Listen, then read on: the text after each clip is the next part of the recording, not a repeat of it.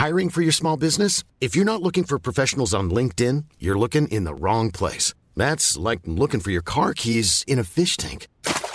LinkedIn helps you hire professionals you can't find anywhere else, even those who aren't actively searching for a new job but might be open to the perfect role. In a given month, over 70% of LinkedIn users don't even visit other leading job sites. So start looking in the right place. With LinkedIn, you can hire professionals like a professional. Post your free job on linkedin.com slash people today.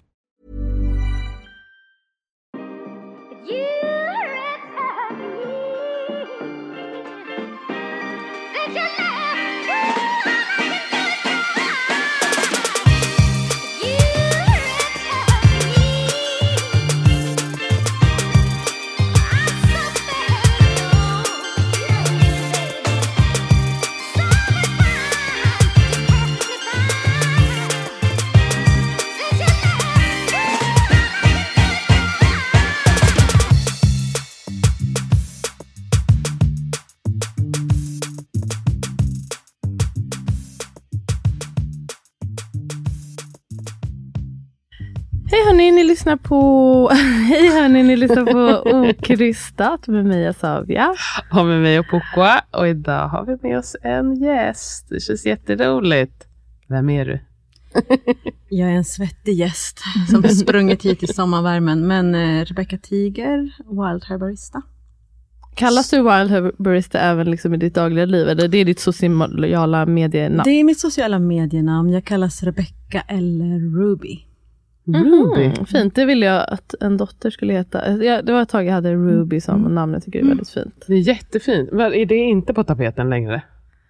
Uh, jag har varit lite mer att jag vill ha ett namn med anknytning till Ghana eller Gambia. Men nu har jag, försöker jag få in att tredje barnet ska få ett svenskt namn så att det alla nationaliteter är. Men uh, Benetton.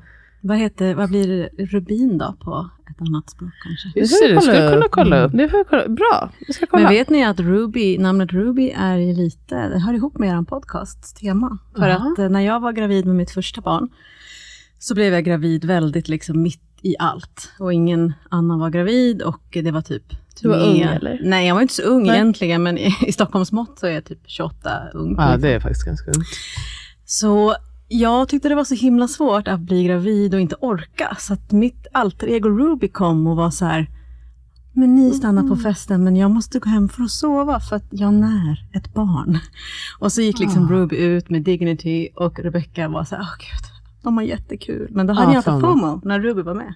Okej. Så Ruby är lite så här, Ah. she can save me sometimes när Rebecca blir blyg så kan Ruby komma in och vara lite Hon är mer. den moderliga, lite lugnare. Hon kan vara den moderliga, men hon kan också vara den modiga. Mhm. Mm. Så det är nice. Nice. Gud, jag vill också ha. Det känns tryggt på något sätt att ha ett alter ego. och Bara, men då kan jag bara gå in i Ja. det så kan jag lägga och foka åt sidan. Också ibland orkar man inte vara sig själv. Nej, jag vet. Om man orkar inte vara sig själv alltid faktiskt. Mm. Nej, Man tröttnar. bra. Ja. Ja. Ja, det gör man verkligen. Men eh, du, vill du berätta själv fritt vem du är? Eller Opo, har du någon presentation av Rebecca? Nej. Vad gör du om dagarna? Jag gör väldigt mycket om dagarna, eh, men framförallt så är jag ju häxa och eh, jordprästinna. Alltså jag jobbar väldigt mycket med ritual, ceremoni, eh, olika liksom former. Alltså antingen ute i naturen och i grupp eller enstaka tillfällen, typ en namngivning eller handfästning slash bröllop eller att någon, ja men efter man har fött barn eller innan någon ska bli mamma, alltså olika ceremonier. Och ibland håller jag och ibland så svarar jag bara på frågor hur man kan liksom skapa ceremonier i ett land som har typ Kommit inte så bra tradition med just det. det Nej, det är mest staten och, och olika religiösa samfund som har ceremonier. Så Mm. lite så. Men sen har jag också ett annat liv och det är att jag faktiskt eh, är regissör och skriver manus och sådana saker. Men eh, mesta tiden just nu när du frågar går åt det här med ceremonier. Och vem kan kalla sig för häxa? Ja. Ja, det är ju ingen, eh, det kan ju vem Det är som ingen helst. legitimation som Nej. krävs. Nej, det är likadant. eh, Nej, precis. Det, är- det, är liksom, det är, några vill ju eh, inte ens kalla sig för det. Och några tycker att det är jättereclaiming, typ Mm. som ordet queer eller någonting Ja. sånt. Så Vad innebär det liksom för dig? ja, Ehm, nej men för mig innebär det ju själva betydelsen rent etymologiskt, vad ordet betyder. Eh, om man följer det bakåt i liksom nordisk tradition kommer man till liksom forngermanska och då betyder det gräns, alltså gränsöverskridare eller Ja. tunriderska. Hagasusa betyder någon som har en fot i den världen, en fot i den här världen. Mm. Väldigt lik en doula, väldigt lik en barnmorska, väldigt lik Just. liksom många, må, många personligheter också. Men, så jag brukar tänka att alla som inte känner att de riktigt passar in någonstans i sina sammanhang kan egentligen claima det. Liksom. Att Mm. man är lite icke-normativ, men det behöver inte vara inom en specifik liksom, identitet eller subgrupp, utan bara så här, i livet. Min hembarnmorska kallar sig för häxa och jag tycker hon verkligen är det. Just med det här också väldigt intuitiva och Mm. också som du, precis som du beskrev, Mm. man inte liksom riktigt passar in och man är banbrytande. Man hade säkert blivit bränd för länge sedan back in the day. Ja men visst. Ja, back in the days så var ju häxa, ordet häxa en, en brottsrubricering som då eh, framförallt riktar sig till barnmorskor, kloka gummor, eh, allmänt kvinnor som tog plats, konstiga, sådana som inte var födda i Sverige, eh, änkor, alltså icke-reproduktiva kvinnor. Och då var det ju, då var man anklagad för häxkonst, eller häxa, och det betyder typ att man hade älskog med Satan. Eller att man utförde skademagi. Typ så här, du har ingen mjölk för att hon har tagit all din mjölk. Ja. Mm. Men den brottsrubriceringen, den, den är borttagen ur svensk lag, men den var kvar en ganska lång bit in. Hur långt in, vet du det? Alltså i, till 1700-talet. Okej, wow. Mm. Mm. Jag visste det, att det Och- var många barnmorskor Mm. som blev anklagade för det. Ja, men det är inte så konstigt, alltså förr i tiden då man tänker att, ehm, att barnmorskan är den då, alltså jordemodern, ljusmodern, Mm. den som är hjälpperson, alltså hjälpmormor, ta, ta det här barnet och det första den har gjort i gammal tradition är att ge det till marken, att jorden tar emot dig. Men det funkar ju i en tradition som inte är så patriarkal, men det fanns en påve som hette Innocentius också, den tredje. Han var inte så innocent, för han, han startade ganska mycket av det här äh, mysyerna, häxjakten. Och han också liksom tog bort rätten att en kvinna skulle kunna känna att den, man kunde bestämma själv att när man kände att det fladdrade i magen, då hade man ett barn. Innan dess så fick man liksom bestämma själv och då fick man välja att det här barnet skulle kunna komma till livet eller om det inte var dags. Liksom, Mm. Man kunde göra en abort, även om det inte hette det. Nej. Men han tyckte att absolut inte, för att mannen står närmast Gud. Så därför måste det Han vara i bestämma. befruktningsögonblicket. Och då, om det kommer in en kvinna och tar emot ett barn, då blir hon emellan barnet och Gud. Och då tar till jord, till moder jord, till gudinnan. Så då blir det lite jobbigt. Och därför så blir ju barnmorskan ett jättebra föremål för det här Mm. häxmisogyn och också, hatet. jag tror det finns ju en viss mystik över eh, barnafödandet som folk har väldigt svårt med. Man vill ju förstå allting Ja. också. Och det finns ett stort behov av att kontrollera, experimentera, Mm. förstå det hela. Men ehm, att, det är viss, att det är så mycket känsla i det där. Jag kan tänka, det är ju liksom, Ja. kan se som Precis. väldigt hotfullt. Eh, att de förstår någonting vi inte förstår. Mm. Eh, och såklart, det handlar mycket om kontroll av kvinnor. Och, Alltså Tänker jag måste nog säga att barnmorskan är, det är nog ett av de få, alltså det yrket har stå, alltså jag kan inte tänka mig ett mer Utsatt. utsatt yrke liksom, genom tiderna med liksom allt ifrån att man inte dög när det inte fanns någon skola och sen när det fanns en skola så dög man ändå inte och sen så måste det finnas läkare och sen så duger det ändå inte och det är en svår, jag beundrar verkligen er som liksom på något sätt har en röst som förnyare men håller kvar och inte blir så polariserad som det lätt kan bli, liksom hemmafödsel versus sjukhus och Mm. sådär. Att det krävs mer nyanser som är just det där cykliska som du pratar om, det magiska. Det är, Mm. det är väldigt modernt, tänker jag. Det är modernt att tänka så. mm. Verkligen. Det är så, det, man tänker också att bara all den här kunskapen som har byggts upp liksom, i hela världen, generation efter generation, att det hela tiden, eller hela tiden, men så många gånger har slagits ut. Mm. Tänk vad det hade kunnat vara ännu rikare förstås idag om man inte hade då liksom helt enkelt mördat folk eller stoppat dem, från, kvinnor från att eh, um, föra den här kunskapen mm. vidare. Och inte bara barnmorskeri, men liksom det här med örter och läkekonst. Att man verkligen, där har ju liksom vården eller medicinen också varit ganska eh, stark med att säga att det där är bullshit. Mm. Det är vi som sitter på svaren och vi är ju då män förstås, som är läkare och eh, att det är de man ska lyssna på. Mm. Nej, jag ska vara lite tidspolis här. Vi har några frågor som vi verkligen vill yeah, få sure. med. Vi träffades i Järna. Underbart ställe, oh, känner jag. Vad vackert det var. Ja, och lugnt. Jag har ju hört lite om Järna tidigare, men jag fattar, alltså det är ju verkligen en vibe. Det lilla jag såg, jag tyckte det var härligt. Vi var där på snipp eh, sauna ceremoni.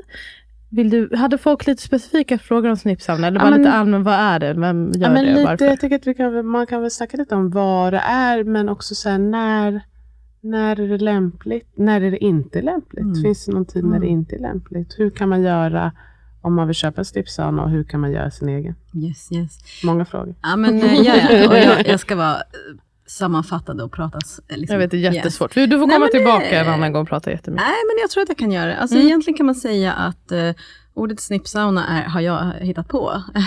Jaha, det, är det du som har myntat det? Ja, alltså det var jag och Hella, Häxans trädgård, som kom på det. För att det ah, har hetat okay. hukbad i vår ja. nordisk tradition. Mm. Och sen så liksom yoni steaming. Men jag liksom, ja, men det är lite min grej, jag vill försöka hitta ett språk. Jag tycker att eh, vi har så mycket tradition och det finns så mycket här. Och jag kunde inte riktigt se mig själv introducera Yoni steaming på nytt. Fittbastu. Liksom. Fittbastu tänkte jag, men då tänkte like. jag, jag vill att småsnipporna ska ånga. Jag vill typ att, att föräldrar ska kunna säga, vill du ånga?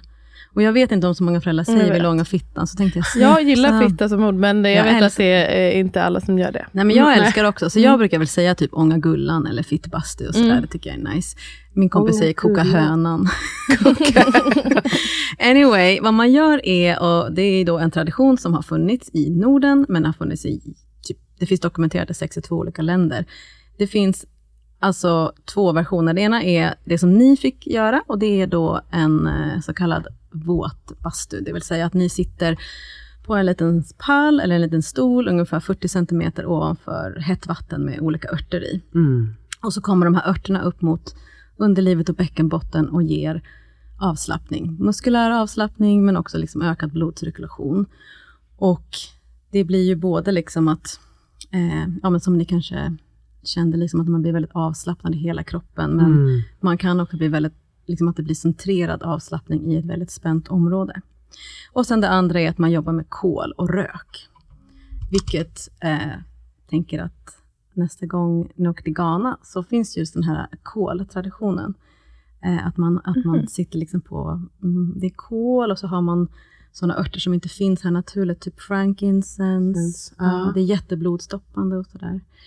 Um, det har jag faktiskt en kompis till mig som har, uh, hennes mamma kommer från uh, Somalia. Och när hon, hon förstod när hon började snipsauna att men det var ju det, det som kvinnorna gjorde när mm. vi, vi gömde oss bland deras kjolar. Vi var hemma på besök, hälsade på mormor. Så satt en massa tanter och det var så rökigt och de hade smugit runt kjolarna. Mm -hmm. Så att jag oh, tänker liksom att det finns eh, väldigt mycket mer levande traditioner i andra länder, bland annat Ghana. Eh, men också eh, Korea, Thailand, Indonesien. Alltså, Vad häftigt att det är så spritt. Ja, det är jätte, jättespritt. Ah. Så man kan tänka, alltså man ska ju inte göra det när man är eh, gravid.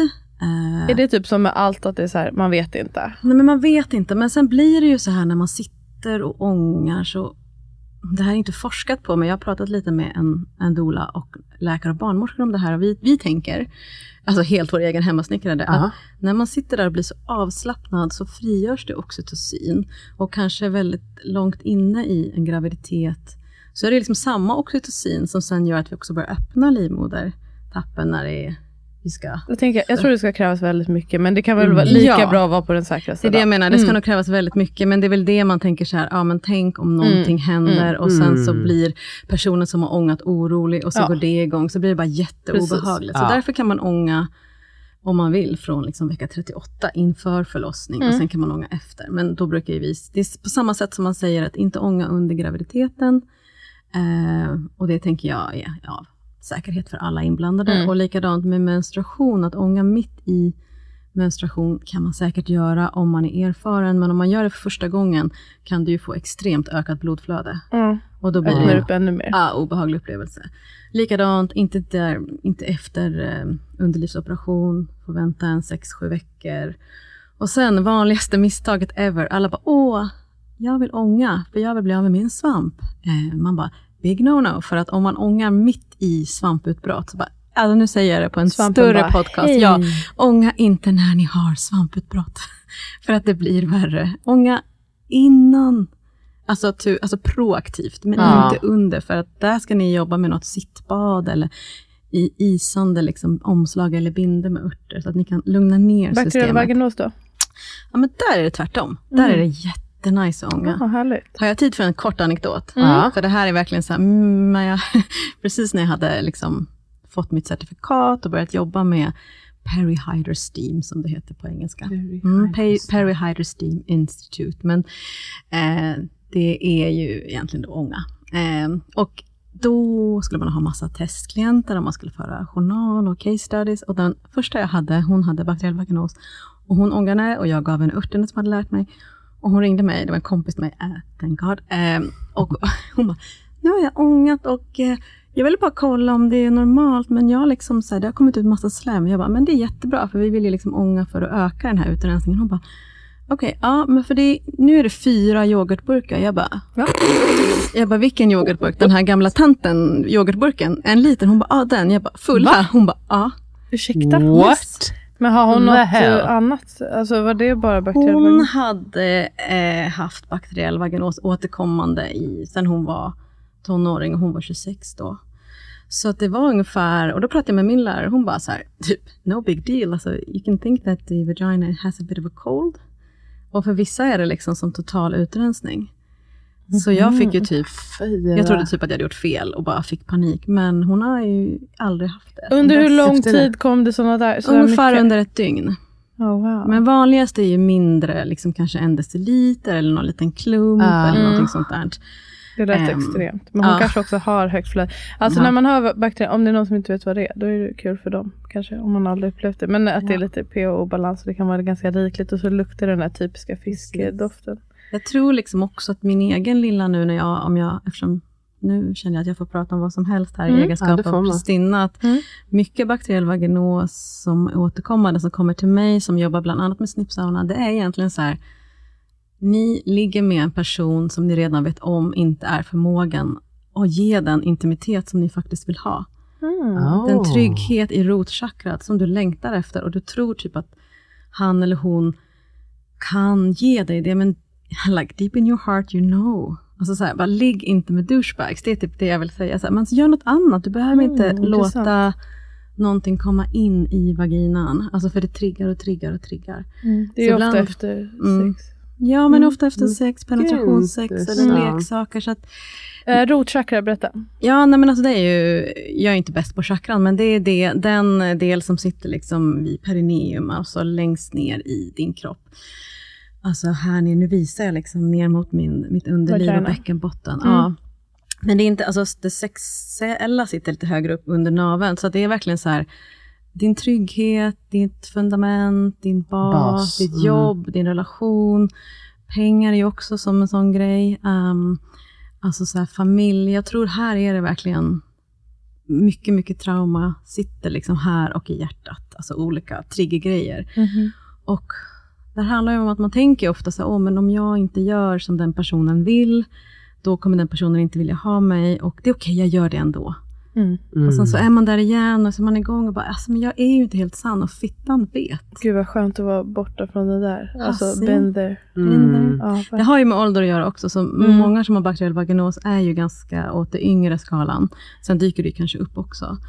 Uh, mina kompisar brukar kalla mig för the nun när jag pratar om det här. Men jag är så här, men alltså, du vet, kom igen. Man, det är också kul att tänka lite celibat ett tag, eller lite begränsningar, alltså om man har de här problemen. Eh, och, ifråga, alltså, och ställa de kraven på den personen. Så bara, ja, men jag skulle jättegärna ligga med dig, men jag undrar lite kring det här och det här. Mm. Ja, inte fel att ställa Inte frågor. fel. Och liksom, men det är läskigt när man är ung. Men det, det skulle jag säga, det är, för mig är det så här, oj okej. Jag har ju absolut inte forskat på det på något sätt, men jag har ju mina journalanteckningar. Då skriver jag så här, otrygghet i relation? Frågetecken. Eller intimitet? Frågetecken. Trygghet, kärlek. Och så BV, bakteriell vaginos. Mm. Mm. Mång, många av de tjejerna som jag träffar, det kan också vara väldigt basic grejer som att både med svamp och bakteriell vaginos att man får det här behovet av att tvätta sig väldigt mycket. Man Ja. tänker att man ska tvätta mer och mer och vissa fortsätter ju Mm. med så här tvål och sånt. Så det, ser, det känns så basic info att man tvättar inte med tvål. Med Men tvål eh, det måste man säga ofta. Även till äldre kvinnor som man träffar. Att det, det, det blir liksom inte bättre. Nej, men där kan man ju tänka då att ångan är lite nice, för Mm. man sitter ju så långt ifrån. Och, och om man då någon gång har gjort en ångbehandling för ansiktet, eller en ångbastu, eller typ så ångat kläder och ångat bort smuts. Eller, Ja. Jag vet inte, jag är född 79, jag hade brevkompisar och kunde ånga bort frimärken på kuvert. Ah, Yes. Så kunde man återanvända dem. Okej. Ja. Eh, du, du nickar lite. Ah, det här känner jag faktiskt igen. Det Ja. vi Johanna. Så att någonting verkar ju släppa med ångan, tänker jag. Alltså att porerna öppnas och då kanske det är att föredra, för då är man inte inne med vatten. För vatten och ånga är ju inte samma struktur. Nej, men precis. Mm. Om man eh, liksom ska ånga hemma, vad, vilken typ av örter snackar vi?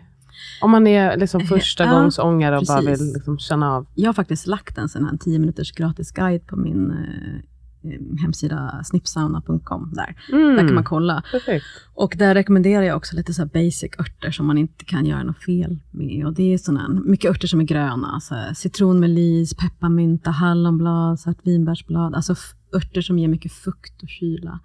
Men även ringblomma, ehm, mycket, mycket, också mycket fukt fast lite mer fetare. Eh, inte något uttorkande eller utrensande. För det är de vanligaste misstagen. Att någon med en väldigt kort cykel tar typ hjärtstilla eller ros och så blir cykeln ännu kortare för att då börjar man blöda tidigare. Eller tvärtom att man tar örter typ som gråbo eller lomme som är lite mer så här jobbar lite mer med att stärka livmodern och hålla, som man använder efter förlossning, alltså så blod, bla, blodstoppare eller mer. Ja. Så tar man dem när man har liksom en jättelång cykel, så blir det ännu längre.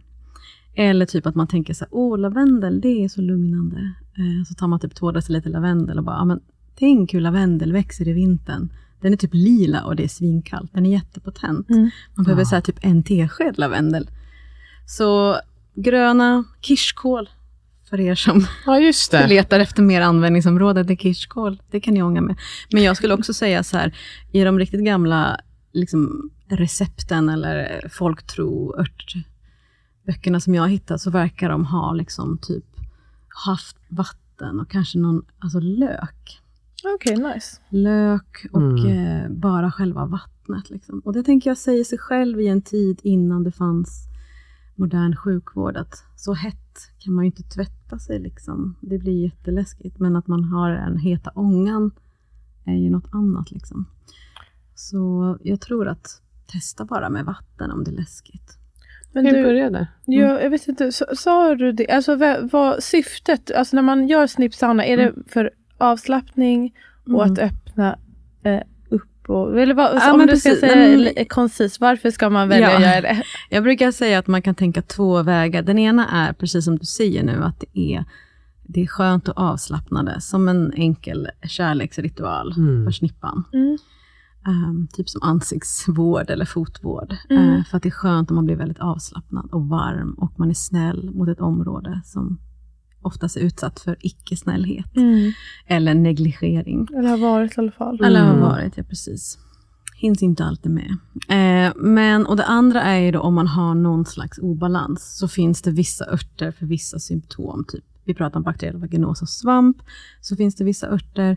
Man kan använda det efter förlossning för att hjälpa till liksom att ehm, få ut ehm, ja, men delar av livmodern, hjälpa till att få igång eh, blodet efteråt. Alltså det är lite, det ska man inte testa själv, utan så här, det, det kan vara bra att ha lite mer kunskap kring det. Men då har det använts väldigt mycket inför förlossning för att liksom komma ner i varv, slappna av, öka eh, blodtillförseln. Blodtillförseln. Mm. Och sen eh, vet jag ju att det är ganska många som man har kommit in i, kanske antingen i klimakteriet eller efter, men det kan vara lite svårt med liksom själva libido och the juicy flow. Och då tar man lite snippsauna innan och är lite fuktig och härlig. Och, Och blodet är då redan där. ja, och så är det lättare att eh, kunna ha penetrerande samlag. Härligt. Du, jag har förstått att Opo berättade att du ska hålla en kurs i ceremonier. Yes. Ah, Ehm, och eh, vi pratar en del ceremonier, Opo framför allt. älskar och, eh, ceremoni. Älskar ceremoni, önskar mer ceremoni åt svenska folket. Ja. Kan inte du berätta lite om, kanske dels vilka ceremonier du gör, men också kanske lite, ge lite inspiration för Mm. gravida, postpartum, men även så här. Jag kommer ihåg när vi var hos dig, då också kom jag att jag började tänka på att jag vill ha en ceremoni till min dotter. när hon det. får mens. Mm. Att just ha, alltså för att vi var ju på snipsan hos dig och det var ju väldigt avslappnande. Men så var det också en ceremoni liksom runt och det Mm. var så fint. Mm. Det var så vackert. Och att få göra, och det var inte, vi hade inte något särskilt att fira när vi kom dit. Eller man säger. Men att få ha en sån stund eh, när man får sin mens eller när man är där omkring. Tänker jag, fy sjutton vad fint. Alltså jag säger bara gör det. Eh, det behöver inte bli för stor grej. Man kan ju också verkligen ha, om man har ceremonier för de som går in i menark, så är det ju jätte, tycker jag, är så extra viktigt att ha den här dialogen. Så här, så Det är alltså inte- första mensen. för Ja, först, ja förlåt. vet. Ja, första mensen. Mm. Ja. Där kan man ju verkligen prata om hur man vill göra det så, där, så att det blir exakt så som den personen vill ha det. Mm. Eh, och sen kanske höja upp det lite mer. För att ett barn kan ju säga na na na na na och sen så gör man någonting mer. Liksom. Jag, vet, eh, jag vet flera fina sådana exempel på ceremonier som har utgått från liksom, eh, det lilla barnets önskan om typ så här, jag vill kolla på film och äta tårta. Och så har det varit liksom att man har bjudit in lite andra människor och sen så kanske gjort en blomsterkrans och bara satt på och sen så. Men alltså det där är ju helt liksom nytt område. Ehm, det finns en jättefin ceremoni som jag har en, en vän som har gjort några gånger. Hon gör inte det längre, men då så gjorde hon ceremoni så att det var som att de unga flickorna som hade fått mens och de unga pojkarna som liksom var i samma gäng, de fick hänga, alltså de, de unga flickorna fick först hänga med kvinnorna i släkten och sen männen fick hänga med männen. Och sen så fick liksom eh, pojkarna gå ut i skogen och bygga en jättefin ceremoniplats. Eh, liksom så. Och sen så fick flickorna liksom så här fixa ehm, de fick typ så här fixa lite mat och bo och sova ute och så här klara sig själv. Så typ så här, the dudes worked with beauty och tjejerna jobbade lite det där. Och sen så dagen efter så fick de byta, så att de här unga flickorna gick till de äldre männen som då berättade för dem liksom, alltså hur, alltså så här, du har rätt till, det här är din kropp, du äger dina nej, så här kan en man säga till dig och det här är inte okej. Så fick de ställa massa frågor. Vem, typ- vem sa det till vem sa du? Alltså de unga flickorna fick prata med de eh, äldre männen, Och papporna och farbröderna. Och så var det så här, om någon tar i din kropp och du inte vill det, då är det nej. Även om det, och så, så pratade de jättemycket om det och så de fick ställa frågor om typ samlag och sånt där med de här äldre männen. Och po- pojkarna gick till de äldre kvinnorna som berättade om liksom så här, the pussy, berätta om mens och de här unga pojkarna fick ställa frågor och så här. Vart var det här någonstans? Det Men låter det jätteavancerat. Ja, men det är en kompis till mig som Ja. är häxa som gjorde det här förut. Okej, här i Sverige? Ja, hon gjorde det i Sverige. Och det är väldigt avancerat, Mm. men det är också asfint att tänka Mm. att det skulle... Och över generationsgränser. över generationsgränser liksom, och över eh, kön och så vidare, att visa på att det finns något sunt. Så av de, grej, av de anledningarna så är de här initieringsceremonierna viktiga. Liksom. Men det kan vara allt ifrån att det är rosa geléhallon om man kollar på en film, till vad jag nu berättar, lite mer avancerat. Så det, där, det finns ju ingen helig ceremonibok i någon lång häxtradition eller så, utan det här skapar vi ju själv. Mm. Men vanligast, alltså det som jag gör, jag håller flest ceremonier och utbildningar i, genom cykeln, genom årstiderna. Det vill säga jordprästinna, vandra med prästinnan.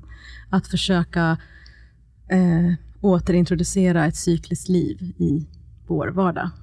Vad innebär det? Det innebär, ja, det innebär ju att hylla de cykler som finns naturligt. Ehm, ålder är en sak.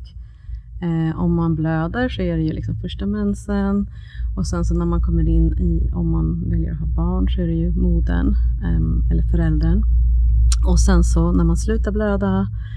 Och sen så kan man ju utifrån de här cyklerna För man kan ju, vi pratar mycket om arketyper.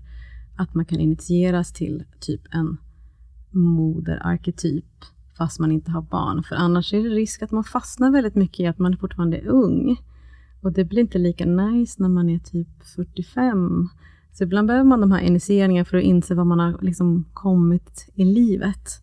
Jag tänker att vi alla har de här kompisarna som var skitkul när man var 20 och sen så är man nu lite senare, 25 år senare bara, fast nu pratar vi om samma sak. Mm. Och Har Ja. inte du gått det, vidare? det är inte riktigt så här. Så det är ofta för det också, att man påminner om cykler. Sen har man ju också månens cykler som påverkar oss. Och sen har vi ju också årstiderna.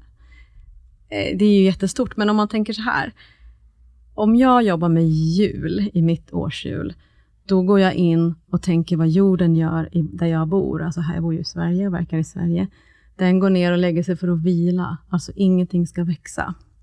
Om vi tänker hur vi firar jul i vårt samhälle så är det exakt tvärtom. Mm. Man ska dit, man ska dit, det ska lagas mat, det ska fixas och donas. Medan Köpas. jorden bara ropar vila, vila, vila. För vi behöver längre tid för att gå in i en djupare vila. För att trötta, trötta människor behöver liksom sömn. Men är själen trött så behöver man inte sova. Man behöver introspektion och vila lite längre. Men vi har ju ett samhälle som bara så här, leverera. Ja, året om Året hela tiden. om. Och jag menar, om vi tänker på vad jorden gör, utifrån då, här där jag bor och verkar, så är det så här, som nu. Man bara, hur mycket hallon finns det? Hur mycket som helst. Fast hon har vilat jättelänge. Så att vi jobbar ju med, och det här är ju ett, ett årshjul enligt liksom häxorna. Eller mång, många gamla traditioner har årshjul och så även vi. Liksom. finns även ett inom den norröna, nordiska traditionen. Det är så här, olika blot och grejer. Och det, det är väldigt, alltså det är väldigt, när man börjar prata om det, man bara, gud vad logiskt. Det är klart vi ska fira skörden, så vi inte Ja, bara visst. Ta en du fri vet, alla bara odlar jättemycket Mm. chili och purjo i februari och sen så står folk där i maj och bara, är det någon som vill ha en chiliplanta? Man bara, varför hade du så mycket frön? Jo, för du har inte tänkt på skörden eller hur du ska ta hand om dem, för du skulle typ åka bort hela sommaren. Så att det är så här cykliskt och så här lite nice. Hela tiden. Och det är det som ni jobbar med. Ni jobbar ju med det cykliska, ni jobbar med liksom födandet. Och i födandet så finns döden där, hela tiden Mm. närvarande. Och återfödandet, liksom. The birth of a mother, the birth of a baby, the birth of a family. Alltså det är så himla vackert att det är liksom lugnare än det här uppåt. Mera, Så mera, mera. Hela vägen dit och sen så tar det slut i en grav. Alltså, många animistiska traditioner är ju tvärtom. De är ju så här, fett nice, men vi gör det nästa gång. Man bara, vadå nästa gång? Men vi gör det nästa liv. Du får, skönt. du får tillbaka dina pengar nästa liv. ja, precis. Det, gud, vad, jag, jag måste prata lite mer om näs- nästa liv, att göra saker liksom, sen. Alltså är det inte future. befriande? Tänk Verkligen. det. Att Alltså, man också, det finns tid. Det finns tid Ja, sen. inte Hörni, vi måste faktiskt snart avsluta. Så kul har vi haft. Det gick jättefort. Det gick jättefort. Har, men vi, vi, vad har du med dig? Du sa att du hade en runa. ja, men jag tänkte Nej. att jag skulle... Jag vet inte om ni, jag tänkte vi skulle dra en runa för podden. Ja, Ja. Jag vet inte vad det Vad betyder. kul. Jag, det här säger Ja. mig ingenting. Nej, eh, runor är... Jag vet vad en, Ja, du vet ja, vad runa är. Ja, men Mm. inte att man drar en... Nej, ma- man kan tänka, det, tänka sig som ett tarotkort kanske, Mm. Ehm, eller ett orakelkort. Eh, I Qing, alltså det är en, eh, en, en tradition som det är ganska intressant, väldigt kort. Man har inte hittat förut, i, långt i arkeologin och religionsforskningen, så tänkte man att runor bara var ett bildspråk eller ett skriftspråk. Ja, precis. Men nu, liksom, precis typ nu, för något år sedan eller två år sedan, så har man börjat förstå att det kan ha funnits en magisk betydelse. Och då är det ju massa människor som faktiskt har bevarat eh, att man kan spå i runor. Så jag tänker om vi bara drar en runa för podden nu, Ja, gör det. så, Kul. så jag tänker att ni ska dra. Så då, Jag är redo i den här, det är också jättehäxig påse du har. ja det är lite häxig på. Den är det. häxig. Ja. Eh, men då kan man tänka sig att det blir bara, Oh, det var som stenar. ja. Då ska du vända på den. Så. Det ser ut som ett Mm, M. Det ser ut som ett M, ja. Den här eh, runan heter Eoas. Eh, det här är intressant. Det här är en lite speciell runa. Alltså nu får ni Mm. tolka det här så. Jag vet ju ingenting om er podd eller någonting.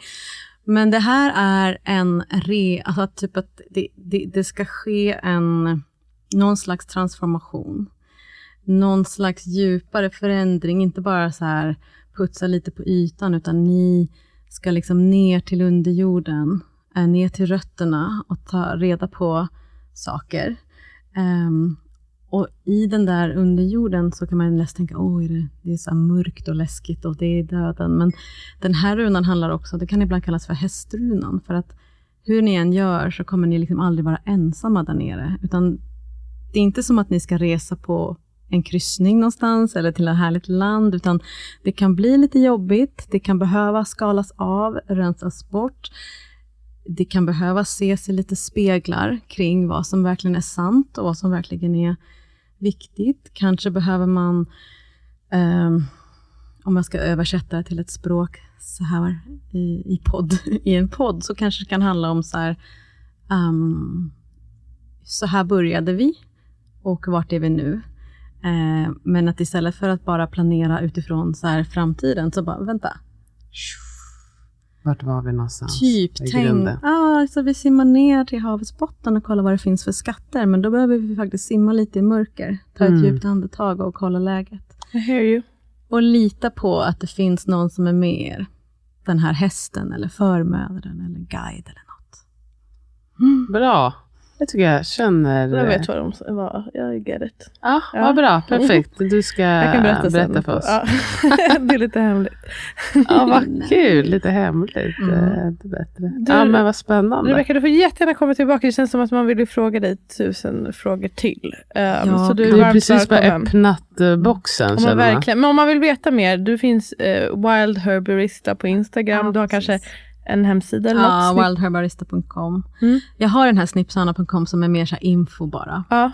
Jag började där och sen så liksom bestämde jag mig för att outa mig som häxa under den här tiden, 100 procent. Okay, och då blev det bra. Wild Herbarista. Och eh, jag tänker, för det har vi inte pratat så mycket om, men alltså om, just att man kanske kan inspireras till vad, vilka typer av ceremonier man kan göra under en graviditet för att mm. hylla det, alltså på ett sätt som inte är liksom med konsumtion och mm. den biten, Precis. utan eh, också hylla postpartum som är alltför bortglömt. Det får vi prata men, om. Ja, men jag kan ge ett mm. tips då till era lyssnare, att det finns faktiskt en, en, ett konto som heter Modebyn. Mm. Moderbyn. Ja, okay. ja, och de mm. har ju precis börjat liksom just så skapa sådana ceremonier. Mm.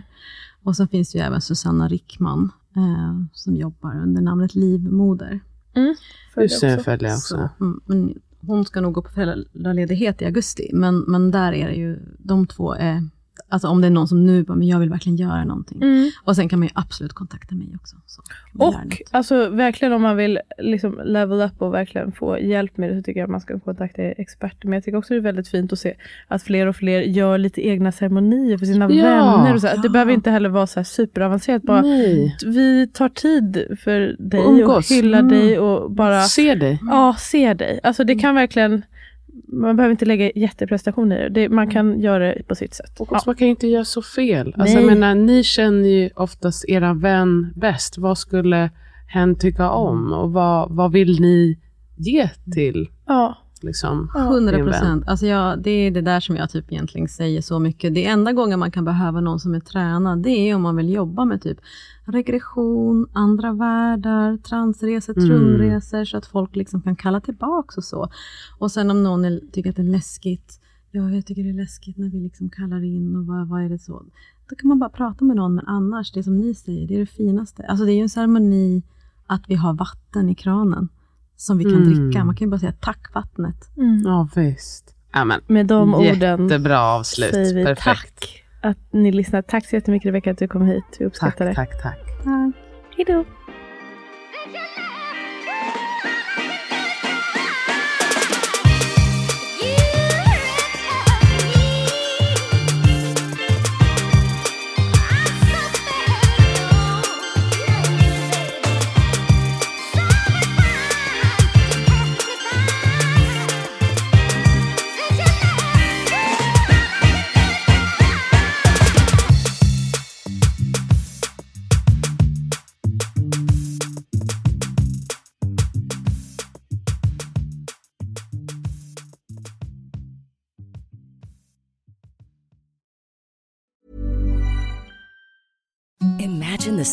Softest sheets you've ever felt. Now imagine them getting even softer over time. That's what you'll feel with Bowl and Branch's organic cotton sheets. In a recent customer survey, 96% replied that Bowl and Branch sheets get softer with every wash. Start getting your best night's sleep in these sheets that get softer and softer for years to come. Try their sheets with a 30-night guarantee. Plus, get 15% off your first order at bowlandbranch.com. Code BUTTERY. Exclusions apply. See site for details.